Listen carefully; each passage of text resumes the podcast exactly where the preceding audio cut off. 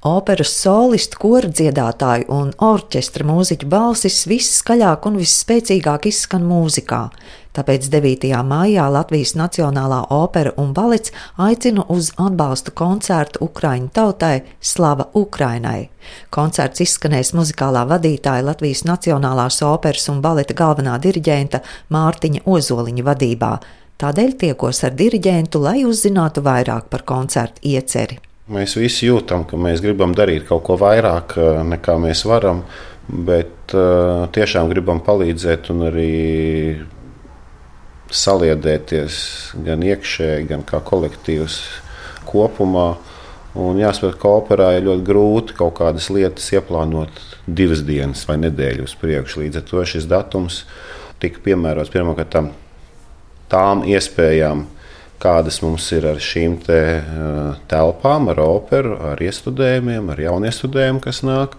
Un, protams, ka no otras puses protams, mēs gribam parādīt savu stāju, savu pārliecību, ar kādu mēs attieksmi esam konkrēti šajā jautājumā. Un, uh, tā es domāju, ka ir gan visa kolektīva, gan visa operas kolektīva, gan to mākslinieku attieksme, kas piedalīsies šajā koncertā.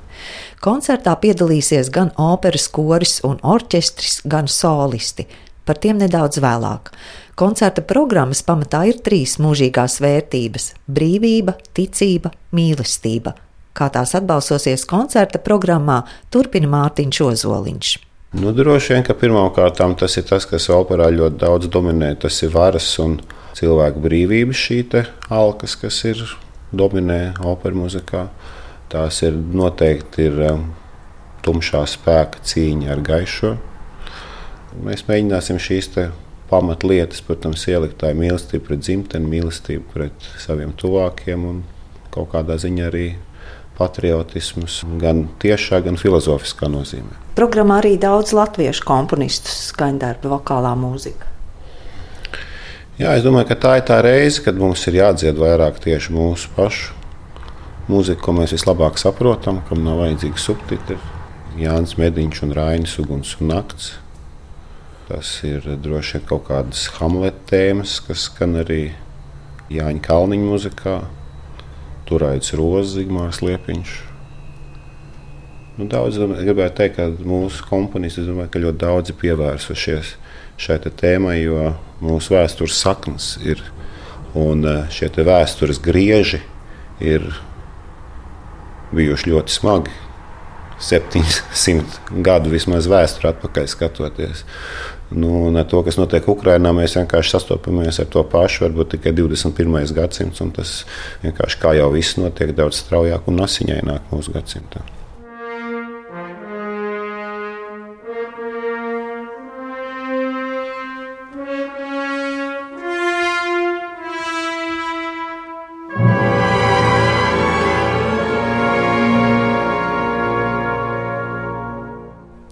Koncertā Slava Ukrainai piedalīsies Latvijas Nacionālās operas solisti Ilona Bagele, Dana Bramane, Julija Vasiljeva, Jānis Apēnis, Pavlo Balakins, Raimons Brāmanis, Rihards Mačanovskis, Krišjānis Norvēlis un Arķoms Safronovs. Par solistiem tātad tie būs uh, mūsu Nacionālās operas solisti, bet arī viesmākslinieki. Šeit es negribētu dalīt viesmākslinieku, mūsu solistie, visi mūsu dziedātāji, kas ik pa laikam dzied uz mūsu skatuves, gan kā viesi, gan kā izrādes dalībnieki, gan sniedz koncertus, jo uzrunāt tika visi un atsaucās visi. Protams, ka jāsaprot, ka nebūs neviens datums tāds, kad visi tiks un visi varēs būt un ir šeit. Man liels prieks, ka Inga Kalna ieradīsies tieši priekš šī koncerta speciāli atlidos. Būs Liena Kīņša, būs sonora vaids, protams, Egīls Siliņš. Uzrunāt tik daudz, un, protams, visi vēlējās būt klāt, bet nu, tas datums ir uh, ierobežojošs. Jāsaprot, ka tagad arī opera pasaule ir atdzīvojusies un atsākušies mēģinājumi. Pārējie visi, kas ir aizņemti ārpus Latvijas, ir grūti ierasties. Protams, ka lielākā daļa mūsu pašu solistu koncerts ļoti kompakts, vairāk tāds vienkārši parādīt mūsu stāju attieksmi. Mēs nekādā veidā necentīsimies ar ļoti apjomīgu, lielu programmu šo parādīt, bet es domāju, mēs mēģināsim pacelt tās emocijas, kas sākoties pavasarim, viņi mūs ir no, nonivelējušās, jo tas karš ir ieldas, un es pieļauju, ka arī uz ielas un sadzīvē, ka viss pamazām sāk aizmirst, kā tas ir. Neskatoties uz to, ka opera spēlē pirms katras izrādes, gan operas, gan baleta, gan bērnu izrādes spēlēm. Ukraiņas himnu, tas mūs kaut kādā veidā tomēr katru dienu pietur pie šīm domām un pie tās lietas, ka dzīvē nekas nav beidzies.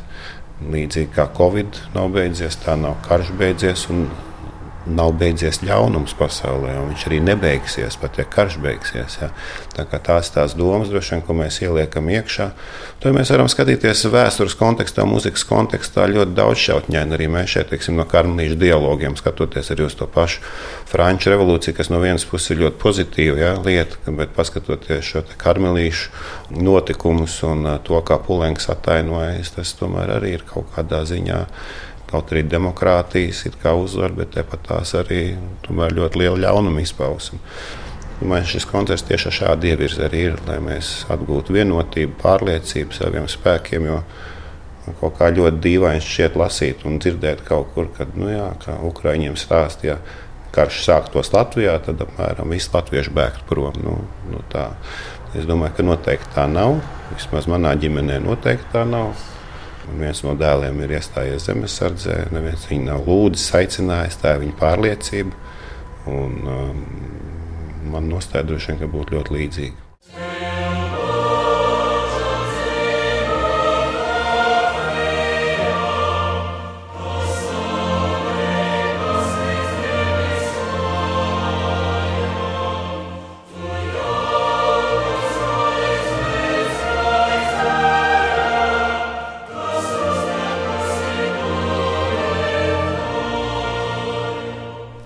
Mārtiņš Ozoliņš uzsver, ka šī koncertā uzstāsies visi tie mākslinieki, kas piedalās iestudējumos un ko viņi uzskata par savējiem.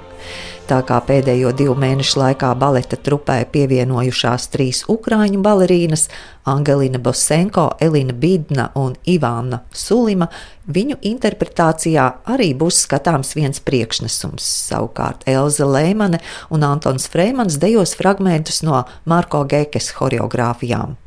Koncertā skanēs arī ukrāņu tautas melodijas. Tas koncerts jāsaprot, ka viņš ir veidots tādā brīvā formā, tas, ko katrs jūt, bija šī kā saka, aprunājoties gan ar māksliniekiem. Un tad, jā, Jūlijā Vasiljā bija tāda ideja, ka cik viņi ir dziedājusi, un viņai ļoti tuvu viena ukrāņu melodija. Es teicu, jā, kāpēc ne mums tas koncertā dod arī tādu tomēr. Jo jāsaprot, mēs gribam parādīt to tomēr to Ukraiņas spēku, Ukraiņas skaistumu, gan dabas, gan tautas bagātību un tas, pie kā ir novedis šis bezjēdzīgais karš. Vienkārši šī varas un ļaunuma izpausme, kas ir uz katra soļa. Mēs operā, katrā otrā operā redzam, ne tādas nelietības, nežēlības. Vienkārši mēs to nekad nesasaistām ar savu dzīvi, ar savu ikdienu. Tad es domāju, ka šī tā reize paskatīties uz lietām. Un, protams, šī te, uh, viena ukrāņu tautas melodija iekļaut programmā, tā varbūt tās paspilgtinās šīs krāsas, kuras koncertā, es domāju, būs uh, daudz un dažādas. Koncerts droši vien būs vienā daļā. Jā, būs pieaicināta arī mana kolēģe Elita Bukovska, kur rūpēsies arī par varbūt, tādu režisoru noformējumu, varbūt tās tādu vizuālu vēstījumu šajā koncertā. Tā kā visi, kam pirmdienas vakars ir brīvs uz pusotru stundu vai stundu, bišķiņu vairāk. Esiet mīļi gaidīt operā, nāciet, atbalstiet, gūstam šīs emocijas kopā. Un es domāju, ka tas ir tāds 9. maija, varbūt tās tāda mūsu iekšēja solidarizēšanās.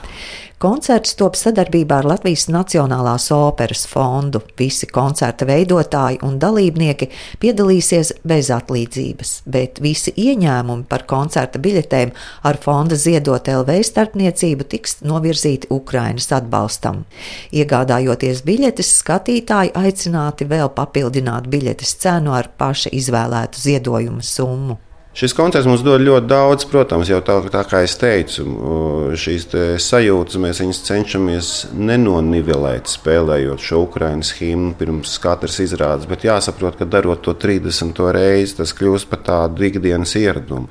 Un savukārt, sanākot kopā šādā koncertā, kur ir vienopus gan solisti, gan koris, orķestris, baleta mākslinieki un arī visi tehniskie un radošie cilvēki, mēs kaut kādā veidā sūtām vienotu vēstījumu. Nu, šī, es teiktu, grūtajā laikā, kad varbūt tās ārā spīdot saulē, mēs jau pamazām, kā saka, attejam no tās lietas un domājam, ka tas uz mums jau tā kā vairs neatiecās, bet attiecās un ļoti. Es domāju, ka pat vēl vairāk nekā kara sākumā.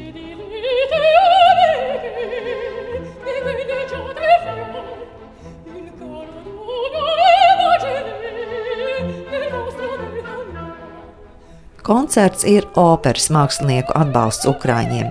Mārtiņš Ozoliņš piebilst, ka arī nākotnē domās, kādā formā palīdzēt gan tiem, kas ieradušies šeit bēgļu gaitās, gan māksliniekiem.